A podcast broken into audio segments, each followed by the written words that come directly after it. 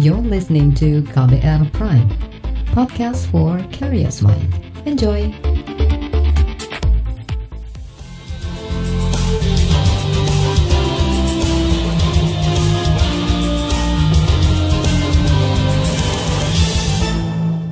Selamat sore saudara, kembali kami menjumpai Anda dalam program KBR Sore edisi Rabu 13 Mei 2020. Saya Agus Lukman akan menemani Anda selama kurang lebih 30 menit ke depan membahas kontroversi rancangan undang-undang pertambangan mineral dan batu bara atau Minerba yang secara tiba-tiba disahkan DPR kemarin ketika masyarakat masih disibukkan dengan isu pandemi COVID-19. Selasa kemarin, sidang paripurna DPR mengesahkan revisi Undang-Undang Nomor 4 Tahun 2009 tentang pertambangan mineral dan batu bara. Sidang paripurna ini dipimpin Ketua DPR Puan Maharani. Setujui bahwa pandangan mini fraksi itu sebagai dasar atas persetujuan. Setuju ya? Sidang Dewan yang terhormat, berikutnya kami akan menanyakan sekali lagi kepada seluruh anggota, apakah pembicaraan tingkat 2 pengambilan keputusan terhadap RU tentang perubahan atas Undang-Undang Nomor 4 2009 tentang pertambangan mineral dan batu bara dapat disetujui untuk disahkan menjadi undang-undang? Setuju. Dan pengesahan rancangan undang-undang itu pun menuai badai kritik di sana sini karena disahkan nyaris diam-diam pada saat masyarakat Indonesia sibuk menghadapi wabah virus corona. Selain karena disahkan secara tiba-tiba, revisi undang-undang ini pun mengundang kontroversi pada pasal-pasalnya. Banyak orang terutama dari kalangan pegiat lingkungan atau aktivis lingkungan bicara mengenai revisi undang-undang ini secara lantang. Mereka pun berencana mengajukan uji materi atau judicial review ke Mahkamah Konstitusi. Koordinator LSM Jaringan Advokasi Tambang Jatam, Merah Johansa, menyoroti banyak pasal bermasalah dalam Undang-Undang Pertambangan Mineral dan Batu Bara yang baru hasil revisi ini. Apa saja pasal yang bermasalah itu dan apa bahayanya? Koalisi dan kami di Jatah mencatat bahwa di dalam batang tubuh dari undang-undang ini, revisi undang-undang ini, itu banyak sekali pasal-pasal dan ayat-ayat yang bermasalah ya, dan juga menimbulkan dampak di kemudian hari bagi lingkungan hidup dan keselamatan rakyat. Misalnya, pasal-pasal bermasalah itu adalah pasal terkait dengan sentralisasi kewenangan. Bagaimana resentralisasi dilakukan, kewenangan daerah diambil lagi oleh pemerintah pusat, kemudian sisanya akan diatur lewat PP, gitu kan? Nah, itu bermasalah karena itu berkaitan dengan hubungan pemerintah daerah dengan pemerintah pusat. Bayangin dalam konteks dampak lingkungan akibat pertambangan, kita berurusan dengan pemerintah daerah aja susah, apalagi berurusan dengan pemerintah pusat, gitu kan? Kerusakan lingkungan yang disebabkan oleh obral izin pemerintah daerah aja itu nggak beres, apalagi ditarik ke pusat. Nah, yang kedua adalah selain pasal itu pasal 165 yaitu pas, ada pasal yang dihapus, pasal mengenai yang bisa menjangkau pidana, tindak pidana kepada para pemegang izin atau pejabat yang menyalahgunakan kewenangan, menyalahgunakan kewenangan pemberian izin. Kan selama ini masalah di Indonesia itu salah satunya korupsi perizinan yang dilakukan oleh pejabat-pejabat pemerintah daerah. Pasal ini itu untuk menjangkau itu pasal 165 tapi dihapuskan di dalam RUU ini. Nah, ini artinya apa kalau dihapus? Apa maknanya? Apa artinya? Artinya adalah undang-undang ini akan memberikan perlindungan resmi terhadap koruptor atau terhadap pelaku korupsi perizinan kan? Karena sebelumnya pelaku korupsi perizinan bisa dijangkau oleh pasal 165 tapi dihapus. Semuanya menjadi masalah administratif saja. Jadi kalau ada penyalahgunaan kewenangan, penyalahgunaan izin ya itu masalah administrasi. Jadi hilang uh, dimensi pidana dan dimensi anti korupsinya di dalam undang-undang ini. Lalu juga pasal-pasal yang berhubungan dengan reklamasi dan lubang tambang. Dalam undang-undang ini memberikan kemudahan lubang tambang tidak perlu direklamasi secara maksimal gitu kan dan bisa dialihkan menjadi irigasi pertanian dan pariwisata. Nah ini kita tahu lubang-lubang tambang itu menjadi masalah bahkan menjadi tema debat presiden waktu itu. Untuk apa kita ikut pemilu kalau ternyata undang-undangnya begini hasilnya oleh produk pemilu itu sendiri yang membahasnya kan? Nah yang terakhir adalah hak veto. Tidak ada pasal yang mengatur, aturan yang mengatur mengenai konsultasi kepada masyarakat adat, kelompok rentan seperti perempuan, dan masyarakat sekitar tambang. Jadi pengambilan keputusan pertambangan itu top down, tidak mendengar suara rakyat, tidak ada hak veto hak untuk mengatakan tidak oleh masyarakat jika tambang masuk. Harusnya ada aturannya gitu kan, yang mengatur tentang peluang warga mengatakan tidak kalau ada operasi tambang.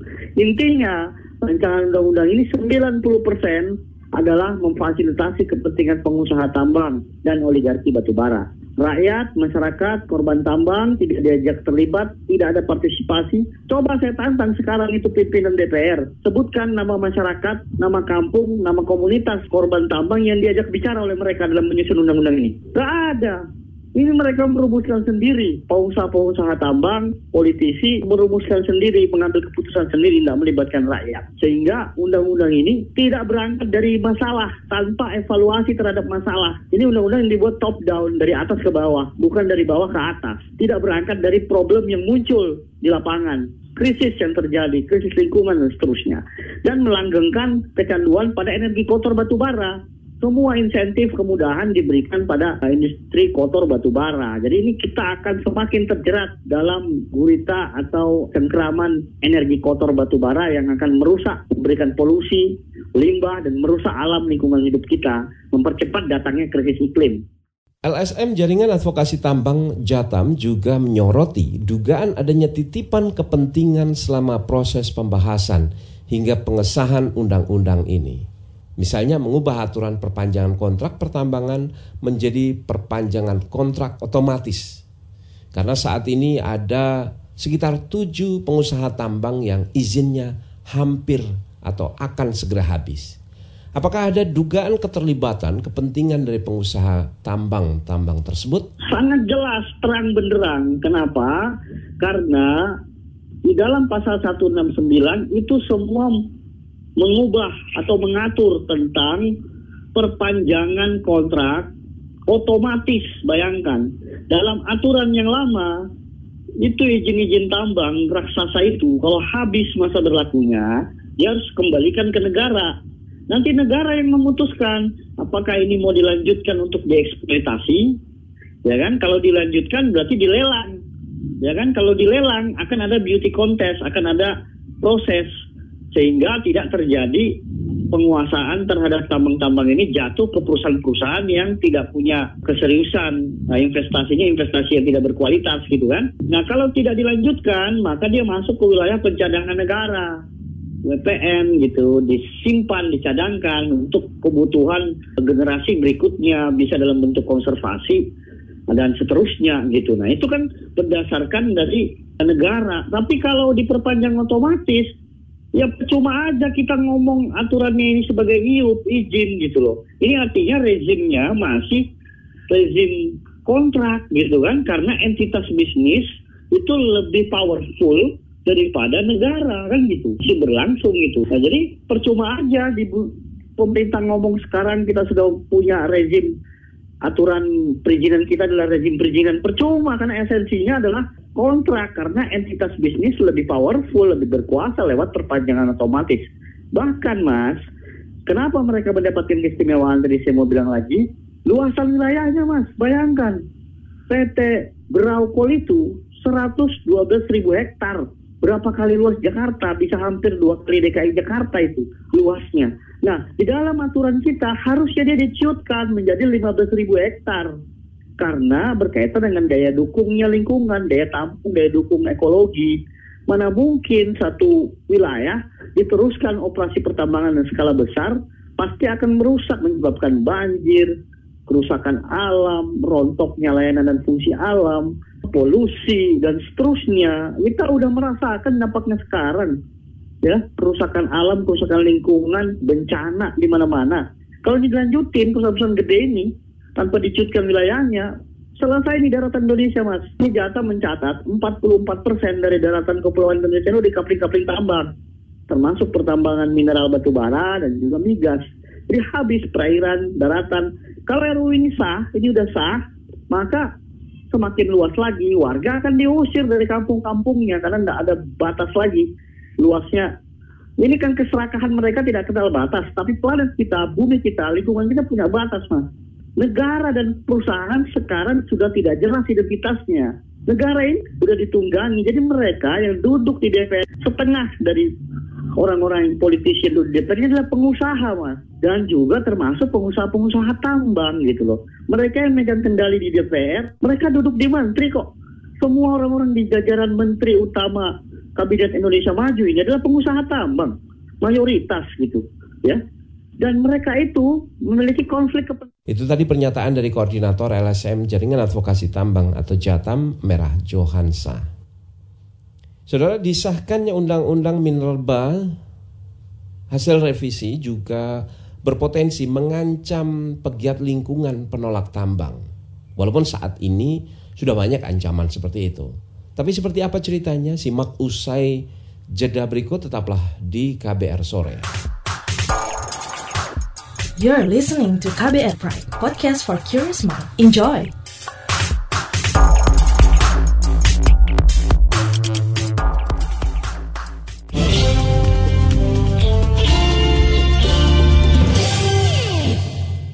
Anda sedang mendengarkan KBR sore.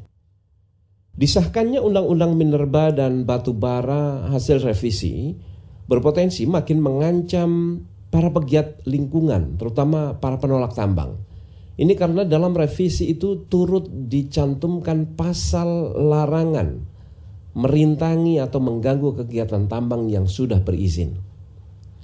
Sebelum revisi aturan ini disahkan saja sudah banyak para pegiat yang dikriminalisasi karena memperjuangkan hak-hak mereka, terutama masyarakat di sekitar area tambang. Apalagi sekarang ada pasal penjeratnya. Dan berikut beberapa kisah mereka yang dirangkum tim KBR dibacakan Fitri Anggraini. Heri Budiawan, petani buah naga di Banyuwangi, Jawa Timur, harus meringkuk di bui selama 10 bulan. Dia difonis bersalah dengan tuduhan yang terkesan mengada-ngada, yakni menyebarkan komunisme. Dia dikriminalisasi usai menggelar aksi protes menentang penambangan emas di Gunung Tumpang Pitu pada 2017 silam. Putusan tersebut bahkan diperberat oleh Mahkamah Agung menjadi empat tahun penjara. Sepanjang kegiatan aktivismenya, Budi memang sudah berulang kali berurusan dengan polisi. Saya bukan hanya sekali dua kali di uh, mendapat perilaku, seperti ini oleh perusahaan tambang. Saya memulai 14 tahun 2014 sampai sekarang itu uh, sering dibenturkan ke hukum dan selalu berurusan dengan hukum. Maka dari itu jelas uh, apa, ekonomi dan kegiatan sehari-hari saya terganggu dengan itu. Budi tak menampik kriminalisasi bertubi-tubi ini membuat usahanya mandek. Fokus dan energi Budi teralihkan untuk berjuang di pengadilan. Meski demikian, dia tetap lantang menyuarakan penolakan tambang karena merusak lingkungan dan merugikan petani. Nggak ada ini, berhenti, berhenti total. Biasanya kan saya tiap hari itu ngambil dari petani-petani itu, hmm. tak kirim karena saya itu banyak orderan banyak. Mulai bahkan dari sini tadi Jawa Tengah itu siapa? Mana? Pemalang. Nah, itu saya, saya ngirim ke Pemalang ke Keramat Jati bahkan ke Kupang NTT sana ke Medan. Hingga saat ini proses hukum kasus Budi terkatung-katung. Upaya peninjauan kembali terhadap vonis 4 tahun dari MA masih terganjal, belum adanya salinan putusan. Ya namanya manu, orang manusia biasa kalau di penjara jangankan tahunan bulanan aja orang keberatan apalagi tahunan 4 tahun ini tuh ya kita optimis saja karena saya merasa benar ini kita melakukan sama puasa hukum saya dan lembaga yang mendukung saya kita melakukan PK Intimidasi dan ancaman juga kerap mendera perjuangan warga penolak tambang. Hal ini juga dialami tiga petani Mojokerto usai memprotes kegiatan tambang di sekitar desanya di Lebak Jabung Jatirejo. Salah satu petani Ahmad Yani mengaku rumahnya didatangi sekelompok orang tak dikenal.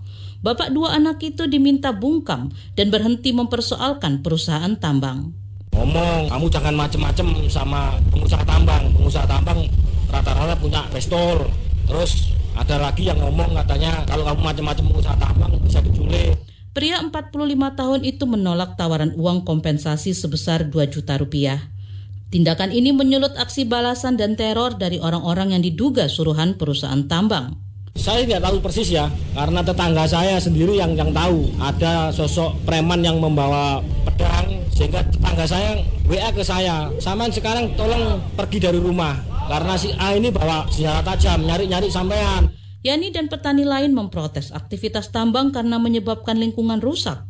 Sungai-sungai di kampung tercemar. Selain itu penambangan memunculkan lubang-lubang raksasa. Kalau tidak salah itu sudah empat kali kejadian kecelakaan yang tenggelam di bekas tambang, keambruan tebing, tidak ada tindakan-tindakan dari pihak e, mana pun sih, ya cuman mati ya dikubur gitu aja seperti hewan. Di Indonesia ini, kalau seperti ini adanya, kami merasa dijajah di Jawa Timur. Pada awal Januari 2020, mereka bertiga nekat berjalan kaki dari kampungnya ke Jakarta yang berjarak lebih dari 750 km. Sesampai di ibu kota, mereka menggelar aksi di seberang Istana Negara. Mereka berharap bisa mengadukan langsung situasi memprihatinkan yang dihadapi para petani di Mojokerto. Tentunya kepingin ketemu Pak Jokowi langsung ya mau melaporkan adanya perusahaan tambang yang tentunya merusak pertanian kami, sungai kami ke Pak Jokowi. Saya mohon dengan sangat tambang yang ada di desa kami dicabut izinnya, entah apa pun itu caranya. Demikian laporan yang disusun tim KBR. Saya Fitri Anggreni. Dan KBR sore akan jeda sejenak. Nanti kita akan bahas lebih jauh apakah bisa Mahkamah Konstitusi membatalkan Undang-Undang Minerba melalui uji materi ataupun uji uh, formil yang diajukan oleh Koalisi Masyarakat Sipil. Kami akan segera kembali. You're listening to KBR Pride, podcast for curious mind. Enjoy!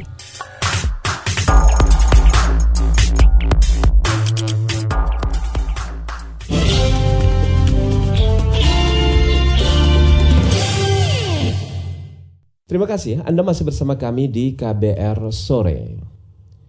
DPR secara terburu-buru atau bisa dikatakan hampir diam-diam mengesahkan revisi Undang-Undang Pertambangan Mineral dan Batubara.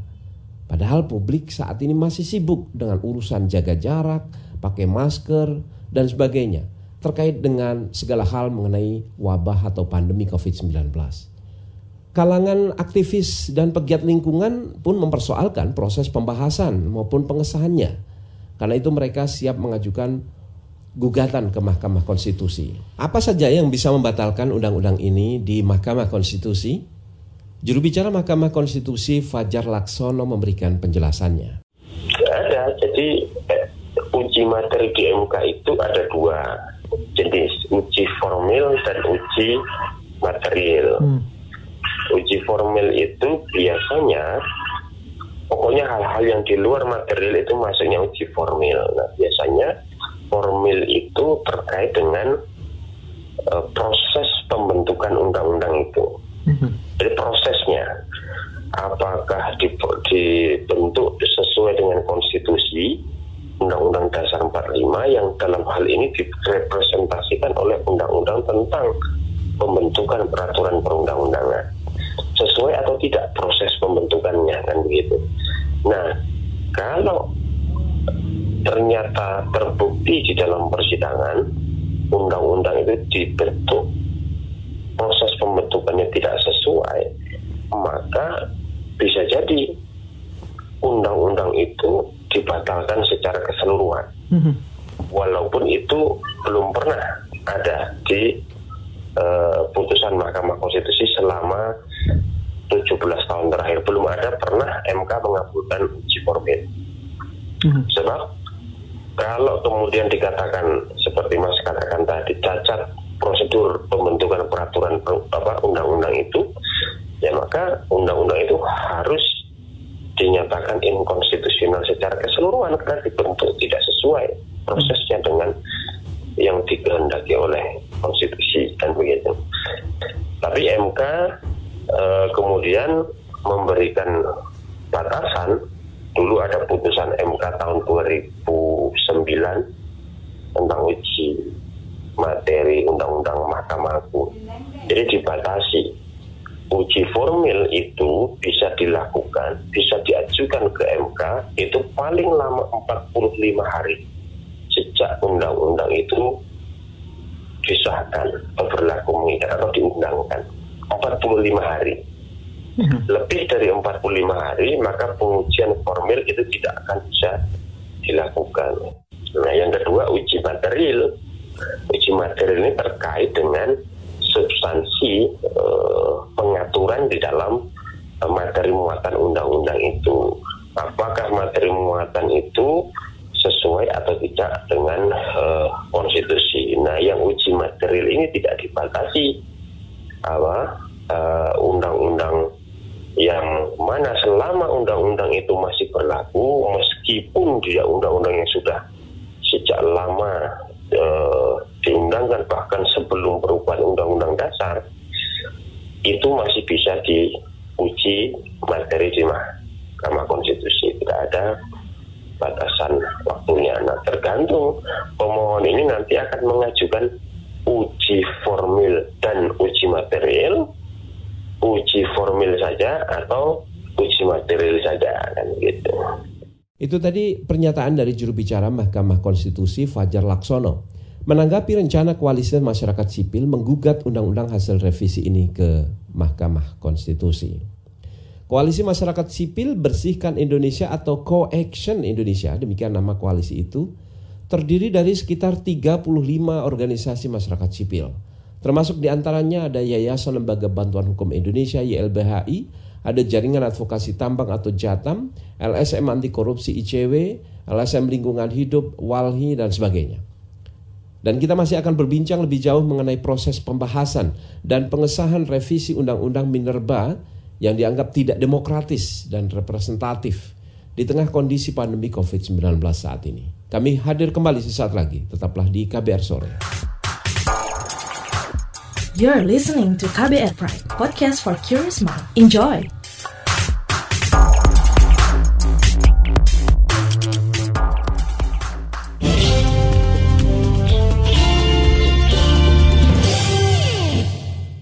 Anda masih mendengarkan KBR Sore.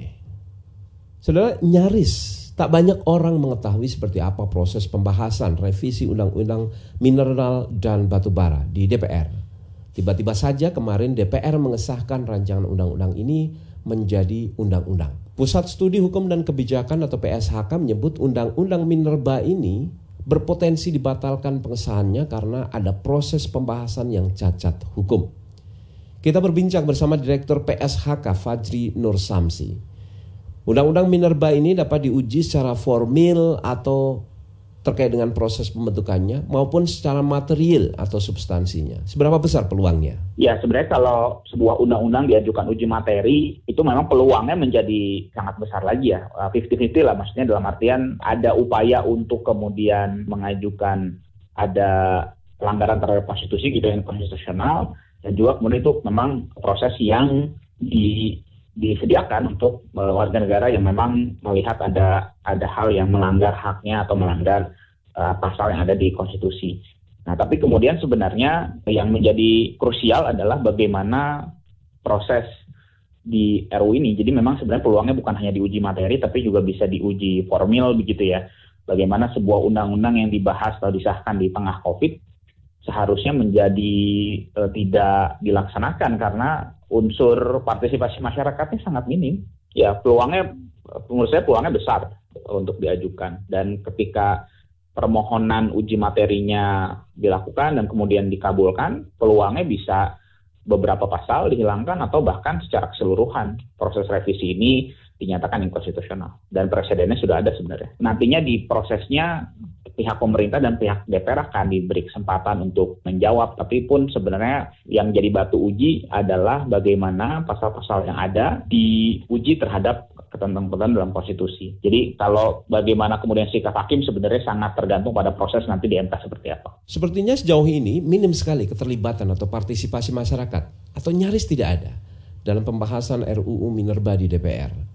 Apalagi dengan segala macam uh, social distancing atau jaga jarak dan sebagainya di masa wabah COVID-19. Apa Anda melihat seperti ini juga? Kalau kami memang melihat dari aspek proses ya, di mana memang Undang-Undang Minerba ini kan sebenarnya sudah lama di, diusulkan begitu ya, dan kemudian masuk dalam prolegnas 2020 begitu.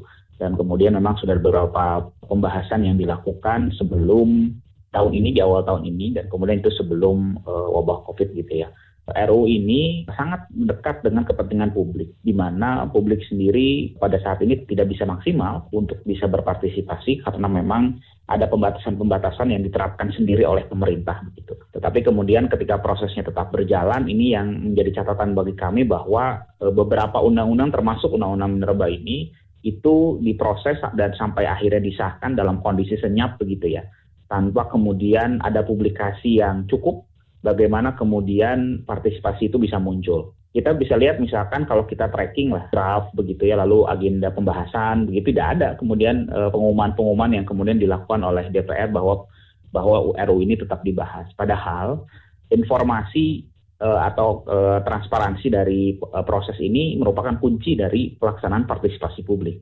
Jadi ketika tidak ada informasi, sulit bagi publik yang tiba-tiba tahu dua hari sebelum mau pengesahan bahwa RU ini sudah selesai dibahas dan ini akan diselesaikan. Itu tadi tanggapan dari Direktur PSHK Fajri Nur Samsi mengenai kemungkinan Undang-Undang Minerba ini digugat ke Mahkamah Konstitusi. Dan perbincangan tadi, saudara menutup jumpa kita di KBR Sore edisi hari ini Rabu 13 Mei 2020. Pantau juga informasi terbaru melalui website kbr.id, melalui TV, melalui akun Twitter di @beritaKBR serta podcast melalui kbrprime.id. Akhirnya saya Agus Lukman undur diri. Salam.